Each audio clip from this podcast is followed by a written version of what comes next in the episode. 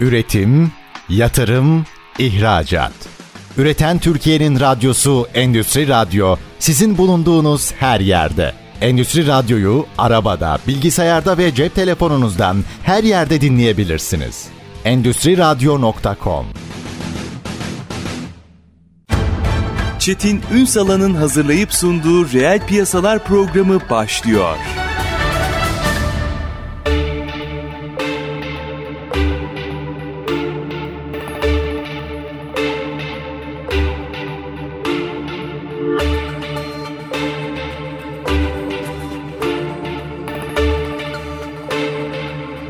Yeniden reel piyasalardan merhabalar. Türkiye'nin gerçek gündeminde birlikteyiz efendim. Bugün yazılım konuşacağız. Her boyutuyla konuşacağız. E, çünkü e, bundan sonraki süreçte zaten hani ufak ufak hissediyorsunuzdur. E, işlerinize de devrediyorsunuzdur bu işi. E, adapte ediyorsunuzdur çok özür diliyorum. E, yazılımı olmazsa olmaz bir argüman olduğu bakın bir ürün demiyorum. E, bir e, faktör demiyorum. Neredeyse yazılım ve diğer işler diye bakacağımız bir sürece doğru gidiyoruz. Yaptığınız iş ne kadar konvansiyonel olursa olsun. Bütün bunları konuşacağız ama bunlar yetmiyor. Aynı zamanda bizim burada yerli yazılımı konuşmamız gerekiyor. İşin hem katma değerinden hem de siber güvenliğine, veri güvenliğine kadar her boyutuyla e, bizim yerli yazılımı konuşmamız gerekiyor. İçte ve dışta. Tüm bunları mercek altına alacağız. Çok kıymetli bir konumuz var. 12M Bilişim Genel Müdürü Akgün Yardımcı. Bugün reel piyasaların konu. Sayın Yardımcı hoş geldiniz efendim. Hoş bulduk. Çok teşekkürler. Üstadım böyle girizgahta da atıfını bulundum ama burayı biraz açarak başlayalım. Ee, bir kere yazılım sektörü çok kritik. Ee, onun ne kadar kritik olduğunu yeterince anladık mı? Geçtim daha Türkiye'deki dünyadaki durumu konuşmaktan. Niye yazılım ve diğerleri?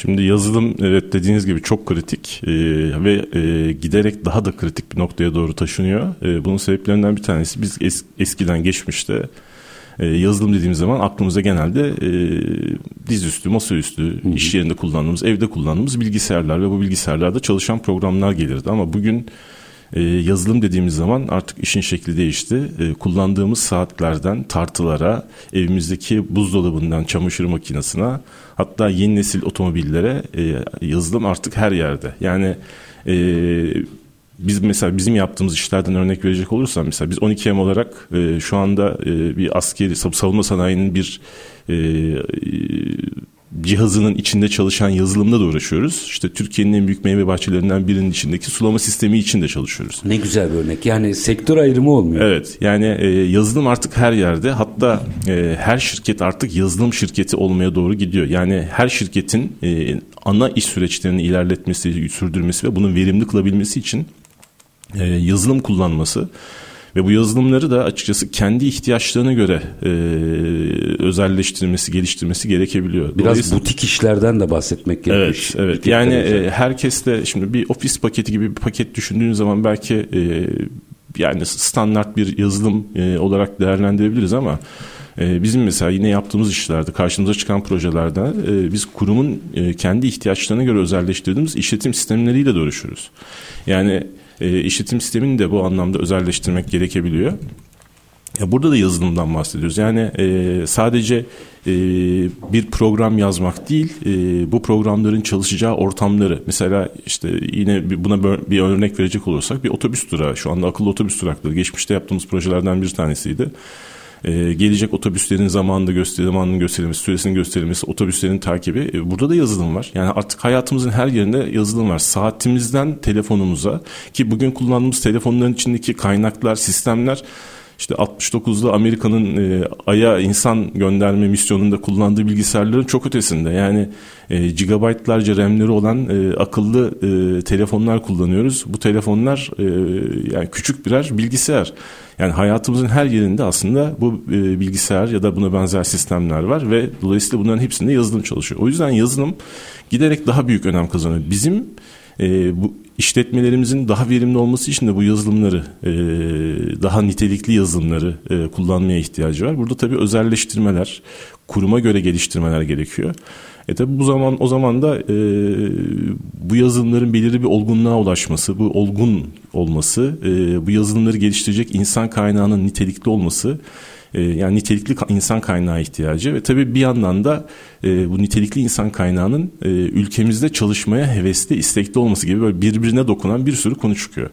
E, biz maalesef son yıllarda mesela özellikle nitelikli yazılımcılarda e, biraz kan kaybımız oldu ülke olarak. Yani yurt dışına çok giden arkadaşımız oldu. Burada ya da, yurt dışına çalışan. Aynen ya da. Türkiye'de e, yaşamaya devam edip ama e, tüm zamanını e, yabancı bir işletmeye e, ayıran, yabancı bir kurum için hizmet üreten arkadaşlarımız oldu. Yani gönül ister ki evet biz Türkiye'de e, insanların e, kalıp çalışmak isteyecekleri ortamı, o ekosistemi oluşturalım. Hatta dünyaya buradan hizmet üretelim. Şimdi e, sayılarla biraz sayılardan bahsedeyim isterseniz. Hı hı. Mesela bizim şu anda e, ülkemizde yaklaşık e, 230 bin yazılımcıdan bahsediyoruz. İşte e, ama yani dünyada 30 milyondan bahsediliyor. E, Hindistan burada mesela çok hızlı bir şekilde bu sayıyı arttırıyor. E, formal lisans programlarının dışında bazen ön lisans programları bazen işte bootcamp diye adlandırdığımız türdeki kamplarla yazılımcıların niteliğini sürekli arttırmaya çalışıyor ve e, açıkçası bunda da fena gitmiyorlar. Pardon bir dakika bu altı çizilmesi gereken bir şey. Sadece yazılımcı yetiştirmek yetmiyor yazılımcıların sürekli niteliğini arttırmaktan bahsediyorsunuz. Evet. İki, iki cümle açın onu o çok kritik evet. bir yer. Şimdi e, dediğim gibi geçmişte bilgisayar yazılımı dediğimiz zaman bilgisayarda çalışan yani yazılım dediğimiz zaman genelde bilgisayar yani geleneksel anlamda bilgisayarda çalışan şeyler düşünüyorduk ama şu anda her yerde var. Dolayısıyla platformlar değişti, ortam değişti, paradigma değişti. Bizim o değişime, o dönüşüme uyum sağlamamız lazım. Dolayısıyla e, bundan 20 sene önce e, kabul görmüş bir teknoloji bugün artık e, güncel gözüyle bakılmıyor e, güncelliğini yitirmiş hatta ya artık bununla bir şey yapılmaz dediğimiz şeylere dönüşüyor. E, o anlamda yazılım sektöründe çalışan ya da bilişim alanında genel olarak çalışan bir e, personelin sürekli kendini yetiştirmesi, geliştirmesi lazım. E, e, biz nüfusu genç olan bir toplumuz. E, bu genç nüfusu e, olabildiği kadar da iyi e, noktaya taşımak için, onları da iyi kullanmak için e, insan kaynağı olarak diyorum. Çünkü ben e, bir ülkenin en e, kritik kaynağı, en e, değerli kaynağı olarak e, insan olduğunu düşünüyorum. E, bizim de en değerli kaynağımız insanlarımız. E, dolayısıyla insanlarımızın, gençlerimizin, nüfusu genç olan bir ülkeyiz, gençlerimizin e, daha nitelikli noktalara gelmesi için e, sürekli bir eğitim gerekiyor. Şu anda mesela bizim çok karşılaştığımız maalesef biraz e, bir parça acı ama özellikle yüksek öğretim program yüksek öğretim programlarından mezun olmuş pırlanta gibi arkadaşlarımızın bir kısmının e, özel sektörün aradığı bazı e, yetkinliklere hiç haiz olmadığını görüyoruz. Yani bunun sebebi e, üniversitedeki e, bazen müfredat diyebilirsiniz, bazen oradaki hocaların yoğunluğu diyebilirsiniz. E, böyle biraz farklı olan kendini yetiştirmeyi başarmış olan çocuklarda hep gördüğümüz şeyler işte idealist hocaların omuzlarında yükselmişler. Yani doğru doğru. Yani ama işte mutlaka o, bir yerden bir kelme evet, çıkıyor yani. Aynen işte o idealist hocaların sayısını arttırmaya ihtiyacımız var ya da hocaların idealist kalabilmesi için gerekli ortamın da artmasına ihtiyaç var. Yani e, hoca e, o akademisyenler bir şeylerle debelenirken e, bizim en kıymetli kaynağımız dediğimiz kaynağı yeteri kadar zaman ayıramıyor, ayıramıyor olabilirler ya da istedikleri kadar zaman ayıramıyor olabilirler ya da bunu araştırmalar içine geçer. Yani bir araştırma yapmaya da vakit olmuyor olabilir. Bunların hepsini birden düşününce biz e, mesela kendi yazılımcı ihtiyaçlarımız için e, çeşitli kamplar düzenlemeye başladık. E, hatta işte bizim grup şirketlerinden bir tanesi de e, çeşitli başka kuruluşlara da bu şekilde kamplar düzenlemeye başladı. Hem e, kurumların kendi yazılımcı ihtiyacı için hem de gerçekten sektöre yani o kurumda çalışmasa bile sektöre daha nitelikli birini kazandırmak için. E, bu kamplarda bazen şunu görüyoruz. E, gerçekten çok e, nitelikli arkadaşlarımız, e, çalışkan arkadaşlarımız yani üniversitede karşılaşma fırsatı olmadığı şeyleri bizde görünce bir anda e, açılıyor, parlıyor. Yani aydınlanıyor. Ee, yani aslında madeni işlememiş bırakıyoruz. Bir, bir parça biz. evet. Onu evet. işlediğiniz anda işin rengi yani değişiyor. Çok güzel bir taş var da işte onu işleyince parıldamaya başlıyor hmm. gibi. Yani o anlamda e, bizim o taşları sürekli parlatmaya ihtiyacımız var. Çünkü ya sektör, e, yazılım sektörü, bilişim sektörü biraz nankör bir sektör. Eğer zaman ayırmazsanız, kendinizi geliştirmeye emek vermezseniz geride kalırsınız. Biz şu anda hala e, özellikle e, formasyon ya da e, müfredatta öğretilen e, bilgiler açısından bir parça geride kaldığımızı ben e, görüyorum. Her üniversitede böyle değil ama e, maalesef üniversitenin önemli bir kısmında bu durum biraz böyle. Dediğim gibi idealist bazı hocaların e, oluşturduğu bir fark var. Ama Üstadım, onlar da orada şey mi kırılma? Yani e, müfredatı yerine getirmek asıl amaç haline gelmiş. E, amaç tabii ki müfredatı verelim ama müfredatın üzerine çıkarak artı değer yaratacak bir bakış açısı oluşması lazım galiba. Biraz öyle biraz da belki müfredatın da güncellenme ihtiyacı Keza, olabilir. Evet. Yani hem müfredatı güncellemek lazım hem de e, bunun güncellenmesinin yanı sıra e, dediğiniz gibi e, bu yeter bunun üstüne bir şey koymayalım dememek lazım. E, yani çünkü üzerine sürekli bir şeyler koydukça ilerlemek mümkün. Bizim de ilerleme ihtiyacımız var. Yani ben okuma yazma öğrettim sana da okuma yazma öğrenmiş olarak ne yapacaksın sorusunu da okullarda vermemiz lazım. Evet kesinlikle. Şimdi tabii e, işin yani yazılım sektöründe de istihdam tarafından belki bir parça bahsetmek faydalı olabilir. Ee, Türkiye'de e, Bizim şu anda e, yaklaşık e, işte 30 bin yazılımcıdan bahsediliyor. 220 bin yazılımcıdan bahsediliyor. Dünyada 330 e, milyondan bahsediliyor ama bunların ekonomi etkisinden bahsettiğimiz zaman mesela Almanya'da istihdamın yüzde ikisi e, yazılım sektöründe ama ihracatın yüzde iki buçuğu. Yani Aa, çok biraz daha farklı şey. Evet. Bunu e, çarpıcı olduğu bir örnek var İrlanda. İrlanda'da e, ülkenin ihracatının yaklaşık %10, %9,5'tan daha fazlası yazılım sektöründe. İstihdam %1'lerde. Şimdi bunun iki sebebi var. Ee, bir, e, paketlenmiş ürünü tüm dünyaya oradan satıyorlar. Ee, ikincisi, e, yazılım sektörünün e, kattığı değer pek çok sektöre göre çok daha fazla. Yani hani bu bir kilo domates, bir kilo akıllı telefon kıyaslamaları vardır ya. Yani o bu gözle baktığınız zaman yazılımın e, ülkeye getirisi, yani o ülkeye getirisi e, çok daha yüksek olabiliyor. Bizim de bunu yapmaya ihtiyacımız var. Bunu yapabilir hale gelmek için dünyayla rekabet edebilir şekilde eğitim almaya ihtiyacımız var. E, çalışanların e, kendini sürekli geliştirebilecekleri ortamları kurmaya ihtiyacımız var. E, bunları yaparken burada tabii e, devletimizin de desteğine ihtiyacımız var. Yani ciddi destekler de veriliyor bu arada. Onun da altını çizmek lazım. Sadece yazılımı hizmet ihracatı yaptıktan sonra bile nasıl bir kırılma yaşandı değil mi? Tabii. Tabii tabii. Yani bu bile bir gösterge. E, benim orada verdiğim güzel örneklerden bir tanesi. Şimdi yazılım deyince dediğimiz gibi aklımıza eskiden bilgisayarda çalışan bir şey geliyor ama şu anda işte akıllı telefonlardaki oyunlarda ki e, Türkiye'den çok ciddi yaz, oyun e, unicorn çıktı. Evet yani e, çok ciddi e, oyun geliştiren kuruluşlar çıktı. Bunlar hatta e, bir şirketi satıp ikinci şirket kurup ona da tekrar ciddi yatırımlar alan arkadaşlarımız oldu. Şimdi Bunların mesela dağıtım kanalları var. İşte biliyorsunuz mağazalar, mobil uygulama mağazaları. Bu mağazalarda ödediğiniz komisyonlar var. Yani siz eğer iş modelini doğru oturtabilirseniz mesela şu anda devletimiz yani bunların bile o komisyonların bile geri ödenmesiyle ilgili destekleri var. Yurt dışında fuara katılıyorsunuz destek veriyor. Ya bu bunların da oranları %50'lerde 60'larda ama destek veren çok farklı bir sürü organizasyon var. E, ve açıkçası bazen bunların e, bu tip desteklere ulaşmak da e, küçük ölçekli işletmelere, startuplara falan e, biraz zor olabiliyor. Bunun biraz daha sadeleşmesine, daha kolaylaşması ben e, sektörün önünde e, bir, ya sektörde iyi bir ivmelenmeye yol, açan, yol açacağını düşünüyorum. Birazcık daha açacağım burayı, işin bu boyutunu. E, çünkü söylediklerinizden şunu anlıyorum. Evet insan kaynağı çok önemli yetiştirmekle ilgili bir takım değişiklikler yapmamız gerekiyor. Ama sanıyorum onlar mezun olduktan sonra asıl istihdam edilecekleri sektörü yani yazılım firmalarını da başka bir gözle görmemiz gerekiyor. Nasıl bir göze ihtiyaç var? Minik bir araya gideyim. Aranın ardından bu sorunun yanıtını alacağım sizden.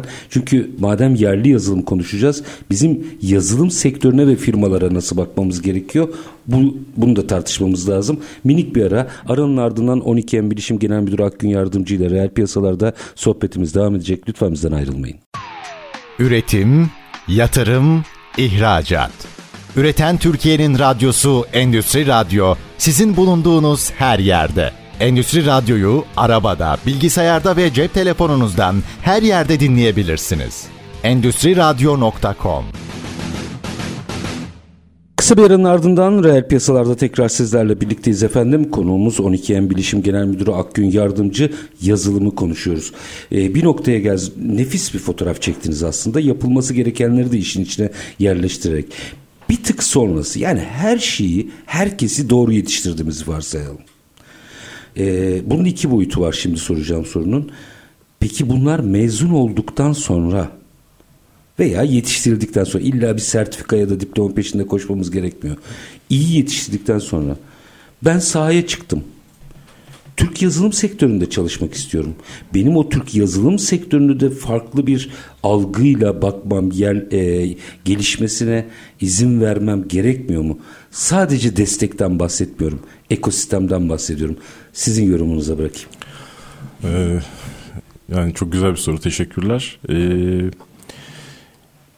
Dediğim gibi gençlerimiz iyi bir şekilde mezun oldular, iyi öğrenim gördüler. Ee, bu senaryoda bile bizim atladığımız bir nokta var. O tarafı da belki biraz açmak lazım. Ee, yazılım alanında çalışacak herkes yazılımcı olmak zorunda değil. Yani farklı uzmanlık alanlarına ihtiyacımız var. Bir kere bunu da e, atlamamak lazım. Örneğin iyi bir iş analisti olmadan iyi bir dokümantasyon olmadan bir yazılımın sürdürülebilirliği ilgili ciddi problemler var. Yani Dolayısıyla... yazılım okur yazarlığı olan bir iş analisti evet, ihtiyacından evet, evet, Kesinlikle yani o alanda uzmanlaşmış. Bu proje yöneticisi dediğimiz zaman proje yöneticisi içine geçerli. Yani yazılım yazılım projelerini yönetmekle ilgili yetkinlik kazanmış proje yöneticilerine de ihtiyacımız var. Yani farklı uzmanlık alanlarından yazılım sektöründe çalışacak insanlar ihtiyacımız var. Diyelim ki bunların hepsini sağladık. Bunların çalışacağı, istihdam edilecekleri işletmelerin dünya ile rekabet edebilir hale gelmesi lazım. Bunun için evet destekler bir yandan var ama bir yandan da ekosistemin buraya doğru gitmesi lazım. Yani bizim şu anda e, geliştirdiğimiz, yatırım yaptığımız, e, gelişimine katkıda bulunduğumuz e, ve yurt dışına giden çok gençlerimiz var. Onların gitme sebeplerinden bazıları e, Türkiye'de istedikleri ortamı bulamayacaklarını düşünmeleri bunu düşünmelerini engelleyecek bir ortama ihtiyaç var. Yani Doğru mu anladım? Ben burada bir Türk firmasında çalışırsam bu para pul değil bu başka bir şeyden bahsediyoruz. Benim firmam dünya çapında olacak kanaati oluşması gerekiyor gençler. Evet, evet. Yani insanlar evet tabii ki para çok önemli ama para tek başına bir faktör Yetmiyor. değil.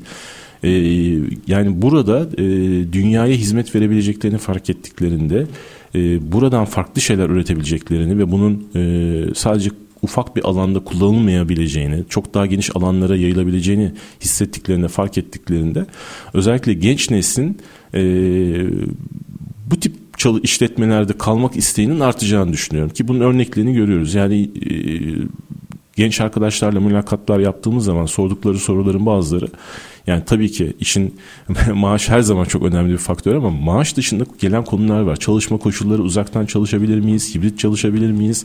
Ne gibi projeler yapıyoruz? Ben ne gibi projelerde yer alacağım? Ben kendimi nasıl geliştireceğim? Şimdi e, bunların hepsi etken. Eğer burada yaptığı işin e, bir fark oluşturacağını, kendisinin gelişimine ciddi katkı sağlayacağını düşünecek olursa tabii e, bu ortamın oluşması için de işletmelerin de buna hazır hale gelmesi lazım. Yani işletmelerde de yapılması gerek, gereken pek çok şey var. Olayı sadece... Yazılım işletmelerinden bahsediyoruz. Evet, evet, evet. Bu arada tabii e, şimdi yazılım işletmeleri dediğimiz zaman belki orayı da biraz açmak lazım. E, şimdi e, Microsoft'un CEO'sunun bir cümlesi var işte her işletme yazılım işletmesi gibi. Yani her şirket yazılım şirketi gibi bir şey tam böyle diyemeyebiliriz belki bilmiyorum ama e, düşündüğümüzden çok daha farklı bir noktaya geldi. Yani şu anda mesela e, Türkiye'de işte yemek dağıtımı hizmeti veren e, yani restoranların evlere yemek ulaştırması yanında aracılık hizmeti yapan bildiğimiz bir işletme var. E, ya da e, marketlerden evlere e, işte alışveriş yaptığımız şeylerin gitmesini sağlayan işletmeler var. İşte bunların hepsi aslında birer yazılım şirketi diye düşünebiliriz. Çünkü bütün operasyonları e, ve kendilerine özel geliştirilmiş yazılımların üstünde e, çalışıyor. Onun üstüne inşa edilmiş durumda. E, hatta e, o yazılımlarla ürettikleri data onlarda farklılık oluşturuyor. Bunlardan mesela işte çok ulusu olan yurt dışında da açılan işte e, işletmelerden bir tanesi kendini zaten e, ürettiği datayla e, ortaya koyuyor. Ürettiği data onu var eden şey haline geliyor. Yani bunu şu anlamda söylüyorum en hızlı rota, en kısa rota, e, en verimli rota bunu hesaplamak bile bir fark oluşturuyor. Bu tip şeyler oluşturduğunda zaten yani yazılım zaten aslında hayatımızı kolaylaştırması için kullandığımız bilgisayarda çalışan ya da cihazlarda çalışan aygıt yani şey e, sistemler diyelim. Şimdi bu işletmelerde bunu yapıyorlar. Dolayısıyla her işletmenin hayatında iş sürecinin ne kadar dijitalize olduğuna göre yazılımın ciddi bir yeri var.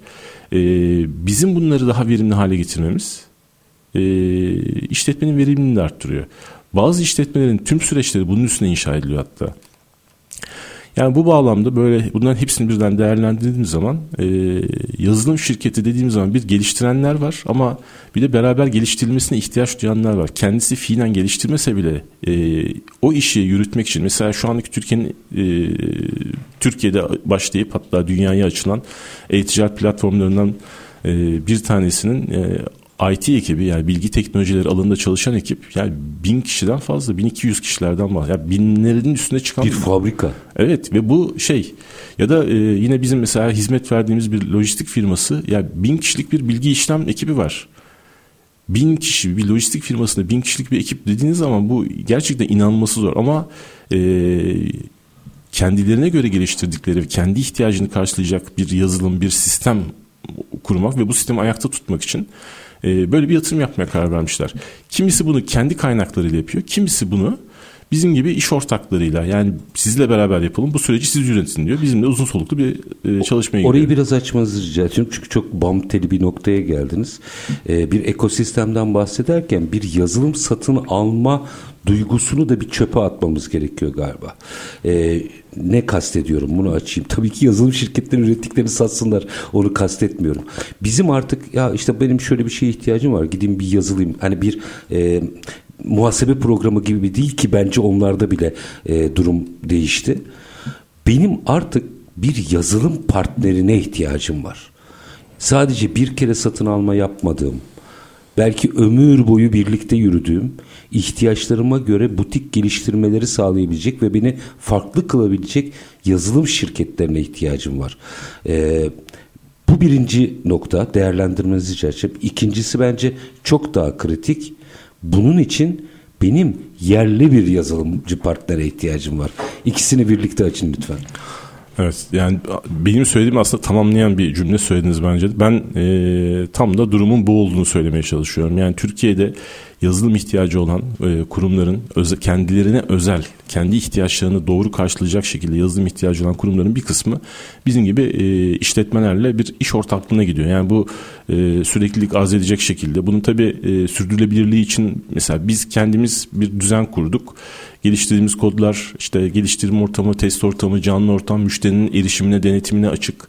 Ee, yani işin sürdürülebilirliği tarafında düşünerek e, bir ortam sistem kuruyoruz. E, müşterimiz de bizimle bu rahat bu, bu ortamı gördükçe daha rahat çalışabiliyor. E, bu tip işletmelerin sayısının artma ihtiyacı var. Yani bu tip iş ortaklarının sayısı da giderek artıyor zaten. Bunu da görüyoruz. Az önce verdiğim işte e, yani savunma sanayinden olsun ya da işte bu e, tarım sektöründe işte sulama sistemlerinde olsun.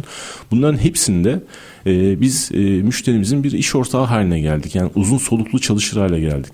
Zaten bu tip bir iş modelini oturtamadığınızda, bunu sürdürebilir kılmadığınızda genelde bu tip projeler maalesef çok başarılı olmuyorlar.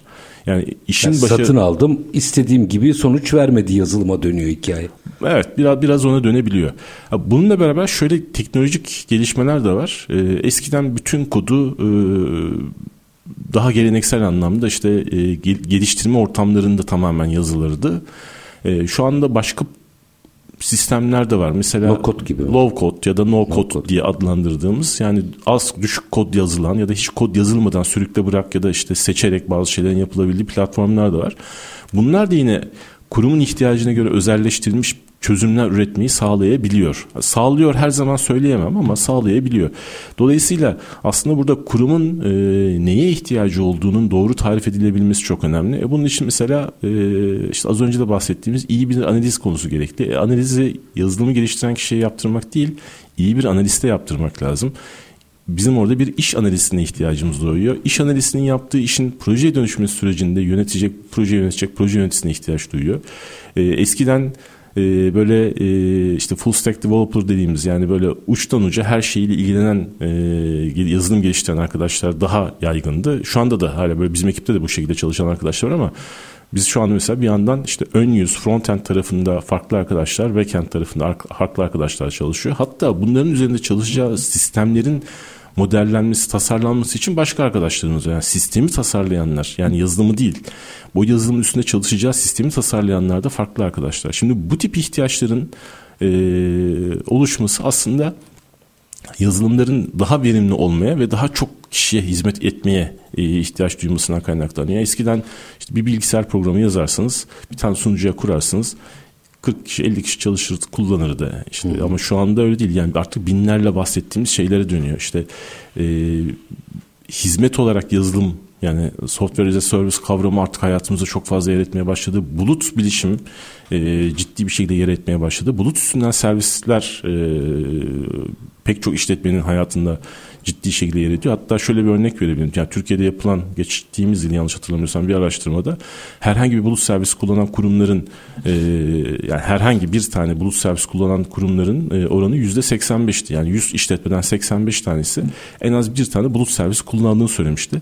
5 tane bulut servisi kullandığını söyleyenlerin oranı ise %25'ti. Bu oranın artacağını düşünüyorum. Tabii burada bulut servislerinin bir kısmının yerel bulut servisleri olması ya da Türkiye üstünden hizmet vermesi ya da kurumun ihtiyaçlarına göre özelleştirilebilir olması gibi şeyler de devreye giriyor. Bunlar oldukça e, bunların miktarı oranı artacaktır. Tabii e, bu tip şeylerin bir yandan da e, bu tip projelerin bir yandan da şöyle bir e, boyutu var. E, biz bunlarla hizmet ihracı da yapıyor olabiliyoruz. Yani e, en önemli kısımlarından bir tanesi o. E, platformu doğru modellediğinizde, doğru çalıştırdığınızda, doğru destek verebildiğinizde bizim de bu arada böyle projelerimiz var şu anda.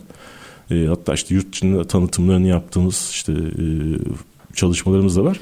E, bunlarda e, yani döviz getirici faaliyet oluyor aslında. Ülkeye döviz getiriyorsunuz. Yurt dışına hizmet satmış oluyorsunuz. Bizim de bir yandan da yani sektör olarak da bir anlamda yapabilmemiz gereken şeylerden bir tanesinin bu olduğunu düşünüyorum. Ee, yani şirketlerin e, birden fazla farklı rolde insan kaynağına, nitelikli insan kaynağına ve bunların farklı uzmanlık alanlarında insan kaynağına ihtiyacı olduğunu e, söyleyebilirim. Orada bir şey soracağım. Bir ifade kullandınız. Ee, öyle olduğun için değil, açmak için soruyorum. Yazılıma ihtiyaç duyan şirketler dediniz. Artık böyle bir işletmenin yani aksi bir işletmenin kalma ihtimali var mı? Yani özelleştirilmiş yazılıma ihtiyaç duymayan belki çok ufak bir kitle olabilir ama e, yani aklınıza gelecek hemen hemen her işletme yani şu anda içinde bulunduğumuz stüdyoda da e, bu radyoda da onlarca e, yazılım var. Yani onlarca yazılım var. Yani her yerde hayatımızın her yerinde yazılım var. Yani evimizdeki buzdolabı örneğini vermiştim bu e, alışveriş yaptığımız markete hatta işte saçımızı git, kestirmeye gittiğimiz kuaförde bile olabiliyor. Yani orada bile randevu sistemi randevu hatta sistemi. online işte e, boşlukları gör orayı doldur falan yani bunlara doğru gidiyor iş. E, dolayısıyla aslında yazılım kullanmayan e, pek yok demek e, mümkün.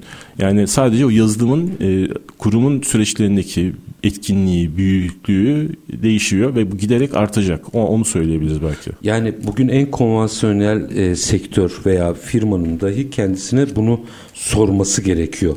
Yani dijitalleşmeden e, kastettiğimiz şey bu mental dön mental dönüşüm değil mi zaten? Evet. Yani yoksa işte şu e, bilgisayarlarınıza bir yazılım koydunuz konu bitmiyor. E, şimdi burada bir şey bir noktayı daha açalım. Bir iki dakika sonra bir araya gideceğim ama e, onu açmakta fayda var. E, yazılım şirketleri veya yazılımla iş yapan mesela oyun şirketleri önünde örnek vereyim. Bu diğer şirketler için de geçerli. Yerlilik benim için çok önemli. Bugün belki böyle çok milli bir e, bakış açısıymış gibi gözüküyor ama yarın yaşamsal bir hale gelecek. E, kimseyi bunu yaptığı için eleştirmiyorum. Sadece bunu nasıl terse çevirebiliriz diye soruyorum size. Bir exit hastalığı başladı. Evet. Ee, yani pek çok yazılım geliştiren işletme özellikle son dönemde oyunlar biraz daha bu konuda öne çıktı ama oyun dışında da pek çok e, kurum bu şekilde e, ya da girişimci diyelim kurum demeyeyim girişimci kurdukları işletmelerden e, hisselerinin önemli bir kısmını e, yurt dışından gelen yatırımcılara... Yapayım da bir yabancıya satayım. Evet. Yani tabii ki şimdi... E, Yapanı insan, eleştirmiyorum. Tabii ki şey e, ya günün sonunda insanlar e, bir şeyler üretmek için bu, ürettik, bu üretim yaptıkları sırada para kazanmak için çalışıyorlar. Bizim benim en başta söylemeye çalıştığım bir cümle vardı bizim çalışanlarımızın e, yurt dışına gitmek istemeyeceklerini, yurt dışına gitmelerine gerek kalmayacak bir ekosistemi burada oluşturmamız lazım gibi bir şey söylemiştim. Bu işletmeler için de geçerli. Yani Türkiye'den dünyaya hizmet ihraç edebilir, Türkiye'den dünyaya ürünlerini ulaştırabilir olmaları halinde evet yine e, iyi gelirlere ulaşabilirler ve e, bu işletmeleri e, henüz işte işte bu arada tabii yatırımların da birkaç evresi var. İşte kuluçka evresi var. işte olgunlaştığı evreler var. Ya genelde üç ana başlığı değerlendiriliyor ama yani artık olgunlaşmış haldeyken satmaya da çok da gerek duymuyor bile. Çünkü düzenli geliri olan bir yapıya dönmüş olabilir. E, tabii ki başarılı exit, başarılı bir çıkış yani hisselerini devredip çıkmayı tercih edenler daima olacaktır. Yani bu da e, işin doğasında olabilecek bir şeylerden bir tanesi. Üstad, e, şimdi biraz açalım mı bunu? Şimdi çok hayati bir yere geldiniz. Araya gideceğim de yarım kalmasın diye e, dur, durdurdum. Exit yapılmasına karşı değilim ben. Exit hedeflenerek bir sektörün var olmasına e, yani şöyle diyeyim her gencin yurt dışına gitme hakkı vardır bireysel olarak onu kariyer e, planlaması içerisinde kınayamazsınız. Ama gençlerin yurt dışına gitmeyeceği bir ekosistem bizim görevimizdir. Evet. Anlatmaya çalıştığım bu. Bunu biraz açalım istiyorum ama yarım kalmasın. Minik tamam. bir araya gidelim. Aranın ardından konuşalım. 12M Bilişim Genel Müdürü Akgün Yardımcı ile birlikte yazılım sektörünü konuşuyoruz. Kısa bir ara lütfen bizden ayrılmayın.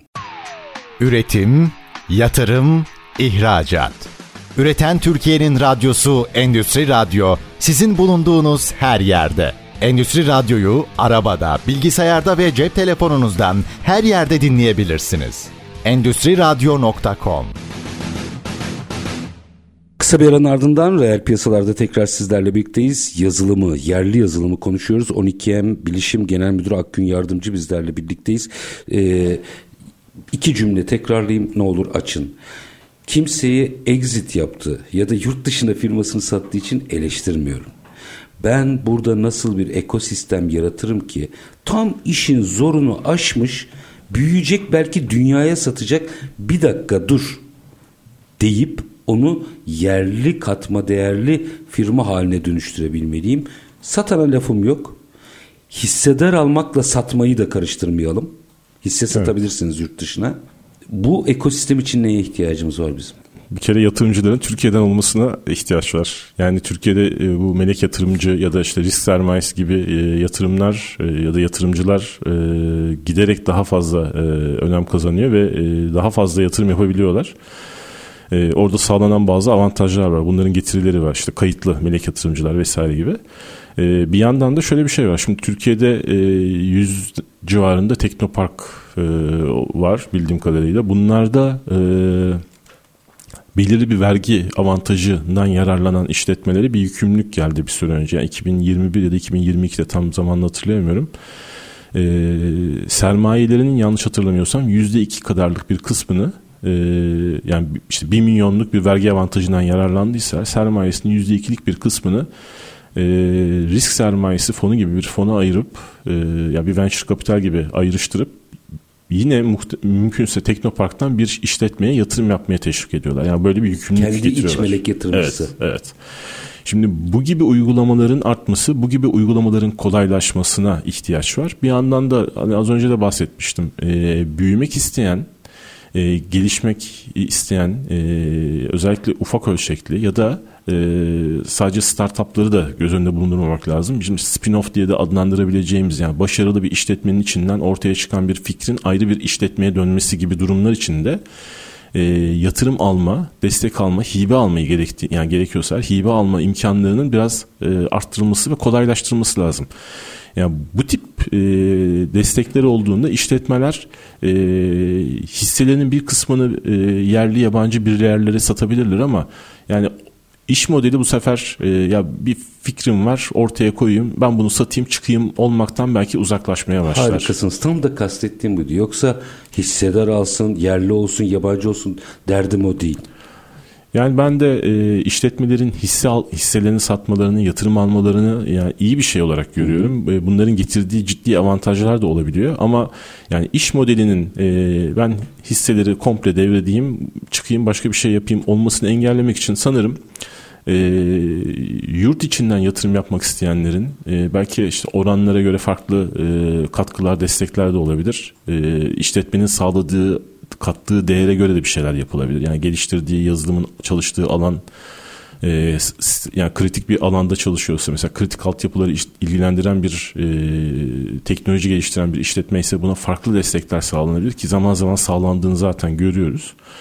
E, bunlara erişimin daha kolaylaşması ile ilgili adımlar atılabilir. Bunlar olduğunda ben eminim ki e, satayım çıkayım e, isteği biraz daha azalacaktır. Ama tabii ki bu her zaman olabilir. Yani e, yani 30'unda emekli olmak isteyenler de var hayatımızda. Ya, bireysel kararlara karşı değil. O ekosistemi tabii, tabii. bizim tersine çevirmemiz gerekiyor. Mesela şimdi ismini vermeyeceğim. Yazılım şirketinden, büyük yazılım şirketlerinden birinin bir stratejisi vardı. Ee, galiba altında 11 adet e, yazılımcı şirketi var. Yani startup inanmış diyor ki ben senin hissedarın olurum.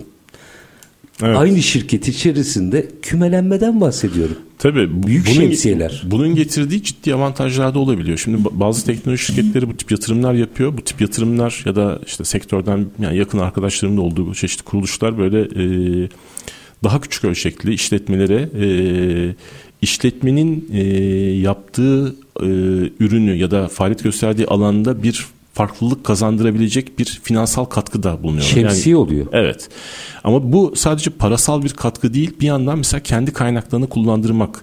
Yani bunun bir ekosistem karşılığı var. Bu bir e, sisteme dönüştüğünde yani örnek veriyorum işte büyük bir teknoloji şirketi daha küçük teknoloji şirketlerine yatırım ufak ufak yatırım yapıp da e, bunları kendi kaynaklarını kullandırdığında, kendi deneyimini aktardığında ya da kendi müşterilerine ulaşmasını kolaylaştırdığında aslında ortaya daha büyük bir şey çıkıyor. E, pazarı da büyüten, e, bir yandan da yatırım yapılan küçük teknoloji şirketinin büyümesine de e, fayda sağlayacak bir ortam çıkıyor. Bizim bu tip şeyleri yapmamız bence zaten e, özellikle hizmet ihracı için yani yurt dışına bir şeyler satabilmemiz önemli. Yurt dışına bir şeyler satabilmek de bence e, açıkçası en kritik konulardan bir tanesi. Çünkü bizim e, nitelikli insan gücünü Türkiye'de istihdam edip çalıştırabilmemizin e, kapısını aralayan şey e, yurt dışına satış. Global yani, pazarda oyuncu evet, olmamızı bekliyorlar. Evet, global mi? pazarda oyuncu olabilmek. Yani bu e, belki işletim sisteminde olmaz ama e, belki bir ofis paketinde olur, bir e, hizmet olarak satılan bir e, yazılımda olur. Ki bu arada bunların örnekleri var. Yani oyunlar var vesaire. Hı hı. E, bunların bir kısmı e, yabancı yatırımcıların e, desteğiyle büyüdü, ilerledi, gelişti. Kimisi Türkiye'de şey yaptı. E, yani e, bölge ülkelere e, yazılım ihracı yapan pek çok şirketimiz var. E, bizim de yurt dışına bu arada yaptığımız hizmetler var. Hem yani hem hizmet olarak hem de kullandırdığımız ürünler var. Şu anda da mesela işte as a service yani hizmet olarak sunacağımız bir platformumuzu e, sunduk, kullandırıyoruz. Yani biraz dar bir ekibe kullandırıyoruz ama kullandırıyoruz. Bizim bunları yapabilir olmamız e, bahsettiğimiz ekosistemin gelişmesi için de çok önemli. E, o ekosistemin gelişmesi çalışanların memnuniyet için de önemli. Çalışanların memnuniyeti o ekosisteme de dokunuyor. Yani aslında hepsi birbirine bir şekilde Çıktı donuşan. Oluyor. Aynen öyle. Hepsi birbirine dokunuyor. Orada bir şey e, madem beyin fırtınası. Şimdi bakın ihracat çok önemli. Yazılım ihracatı çok önemli ama burada firmalarımızı güçlendirmeden e, yurt dışına attığımızda da çok sahipsiz kalıyorlar. Demin bir şey söylediniz. Sizden bir örnek vereceğim. Yani sizden derken demin verdiğiniz örnekten. Dediniz ki savunma da var. E, tarım sektörüyle ilgili bir şey de var. Mesela kafamdaki fırtınayı size paylaşayım siz yorumlayın. E, dışarıda kaynak arayacağına sizin ihtiyacınız olmayabilir. Ben sistem olarak soruyorum. Dışarıda kaynak arayacağına dedik ya artık sonsuza kadar bir birliktelikten bahsediyoruz. iş partnerliğinden. Mesela tüzel kişiliğine, o yazılım şirketinin tüzel kişiliğine ve operasyonlarına dokunmadan savunma sanayindeki şirket de hissedar olsa, gıda şirketinde, gıda sektöründeki şirket de hissedar olsa, böyle 10 tane sektörden yerli, hissedarı olan bir yazılım şirketinin güçlenmesi ve uluslararası çapta gitgide büyüyen, globalleşen bir yapıya ulaşması çok daha kolay değil mi? Biz niye melek yatırımcı arıyoruz? Ee, ya küçük ölçekli yaz, yani şimdi yazılım fikriyle ortaya çıkıp bir ürün, tek bir ürünle ya da bir iki tane ürünle ortaya çıkıp e, hizmet üreten, yazılım üreten, ortaya ürün koyan e, işletmelerin önemli bir kısmında e, şirkete yön veren personeller, e, ürünleri geliştiren personeller genelde kurucular. E, onların o operasyondan uzaklaşmayacağı ama yatırım alacakları bir şey düzen kurmaya çalıştığımız zaman da yatırımcılar bazen de süreçlerde çok fazla kontrol sahibi olmak isteyebiliyor. İstememeliler. İşte evet, tam da işte tüzel onun, kişiyle dokunmadan ha, şimdi, da kastettiğim tamam, şimdi buydu. Onun dengesini tutturabildikleri takdirde bu söylediğiniz zaten bazı işletmeler oturtuyor götürüyor yapıyor. Yani bunun örneklerini de görüyoruz ama özellikle e, finansal veriler e, yatırım yapılan tutarlar e, büyüdükçe e, işin şekli de biraz değişiyor. O zaman e, kontrolde olmak isteyebiliyorlar. Bizim de e, biraz iş kültürümüz belki toplum olarak böyle biraz fevri, hızlı hareket etmek, işte her şeyin kuralına bağlı olduğu işleri biraz daha az yapıyoruz sanırım. E, bunların da yansıması biraz şey, e, insanlar tedbirli olmayı çok daha fazla istiyorlar. Haklı gerekçeler. Yani dediğim gibi ölçek büyüdükçe, yatırım yapılan miktarlar arttıkça e, o kontrol sürecinde ben de olayım. E, Para ama, bozuyor diyorsunuz. Evet. yani e, bazen belki böyle şeyler olabiliyor. E, ama söylediğiniz sistemin olduğu ve işlediği e, organizasyonlarda var. E, yani e, büyük bir şemsiye şirket diyebiliriz. Büyük bir şemsiye şirketin e, küçük yatırım larla yani %10-20'lik oranlarda hatta bazen daha düşük yani %5'lik oranlarda yatırım yaptığı ama bir yandan da kendi kaynaklarını, kendi ekosistemini kullandırdığı e, durumlar var. Bunlar e, o işletmelerin e, büyümesine, daha hızlı büyümesine daha doğrusu imkan sağlayabiliyor.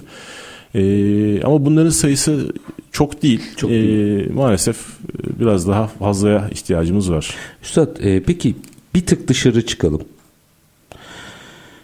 Yurt dışında e, işler nasıl yürüyor? Yani rekabet açısından bir yerli e, firmanın yurt dışı operasyonlarına baktığınızda oradaki fırsatlar ve e, sorunları da açarsanız sevinirim.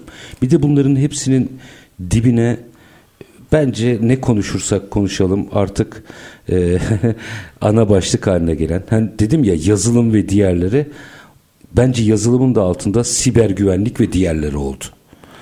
Biraz evet. orayı bu. Şimdi bu kadar konuştuğumuz yerde yazılım var deyince yani kullandığımız akıllı saatten otomobile e, her yerde yazılım var denince tabii ki bu yazılımlar ve o yazılımlarla işlenen verilerin de verinin de güvenliği önemli bir e, konu haline geldi e, her geçen gün daha fazla verimiz üretiliyor, daha fazla veri işliyoruz ve bunların e, bir kısmı oldukça hassas veriler. Yani finansal veriler, sağlık verileri.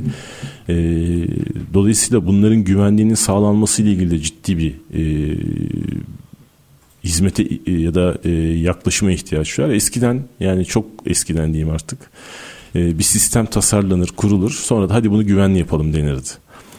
Ee, bugün biz mesela e, işte hatta bunun İngilizce kavramı da işte security by default dediğimiz hmm. ya da işte gizlilik anlamında da işte privacy by default dediğimiz yaklaşımlarla bir süreci tasarlıyoruz, bir yazılımı tasarlıyoruz, bir formu tasarlıyoruz. Yani herhangi bir şey yaparken zaten güvenliği bunun doğal bir parçası e, olmalı şeklinde biz yaklaşıyoruz.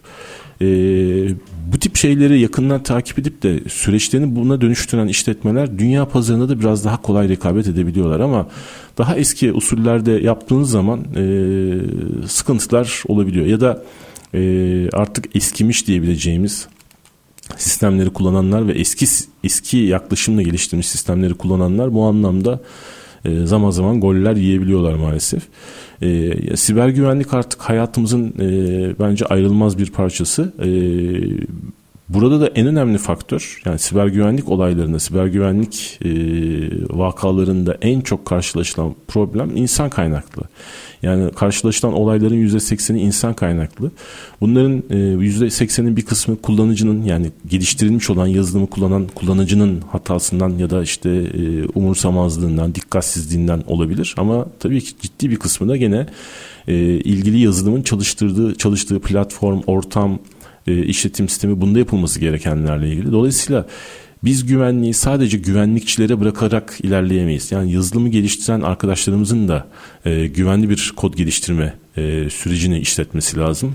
E, o yazılımın çalışacağı sunucuyu tasarlayan, modelleyen, işletim sisteminde gerekli sıkılaştırmaları yapacak, gerekli ayarları yapacak kişilerin de güvenliği işin zaten doğal bir parçası haline getirmesi lazım.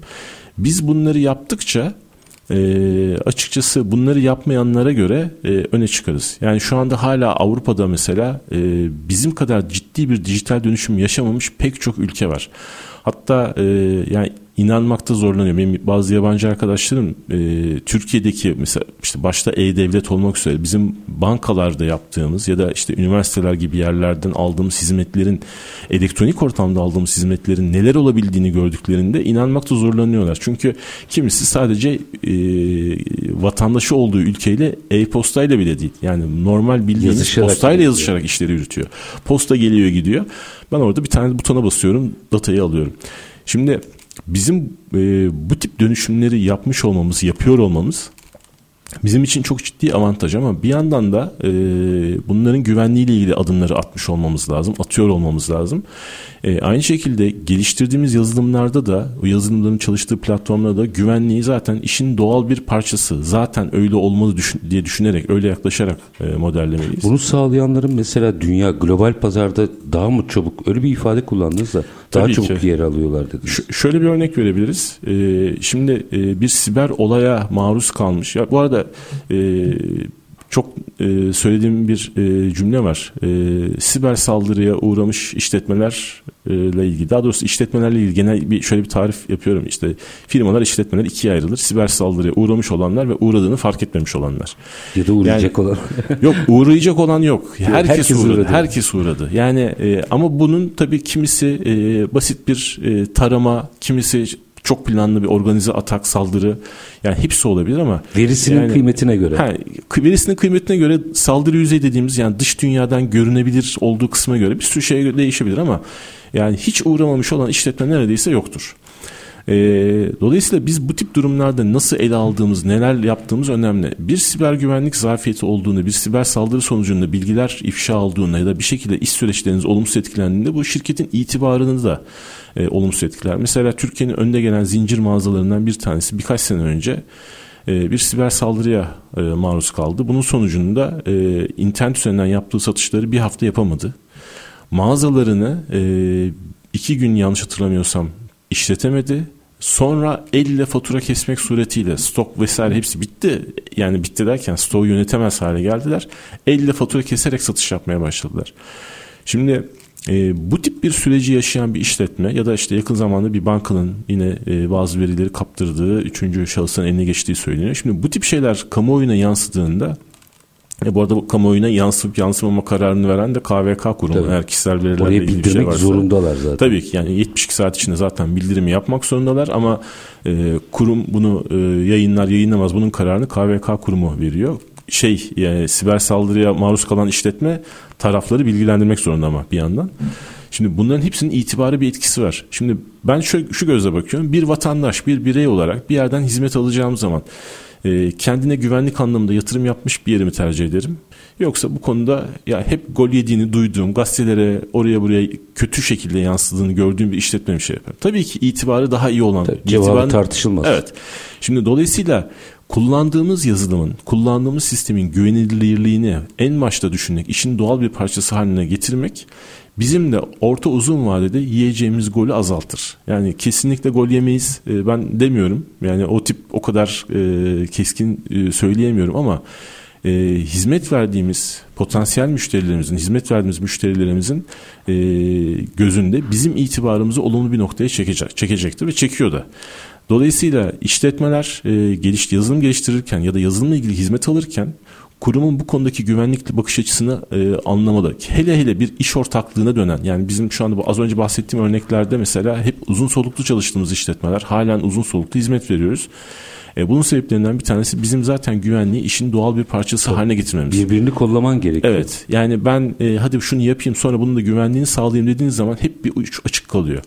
E, bu tip durumlara mahal vermemek için e, yani hem kendi kurumunuzun yazılım geliştiren işletme olarak hem de yazılım hizmetini alan kurum olarak e, güvenliği işin doğal bir parçası, ayrılmaz bir parçası olarak değerlendirmek gerekli. Yani o anlamda e, siber güvenlik artık hayatımızın önemli bir kısmı diyebiliriz. Son bir e, soru. Bunun yurt dışında da e, çok etkisi var diyorsunuz. Zaten artık iş buraya döndü. Son bir soru. Bir süreyi açtım ama bir dakika daha çalabilirim.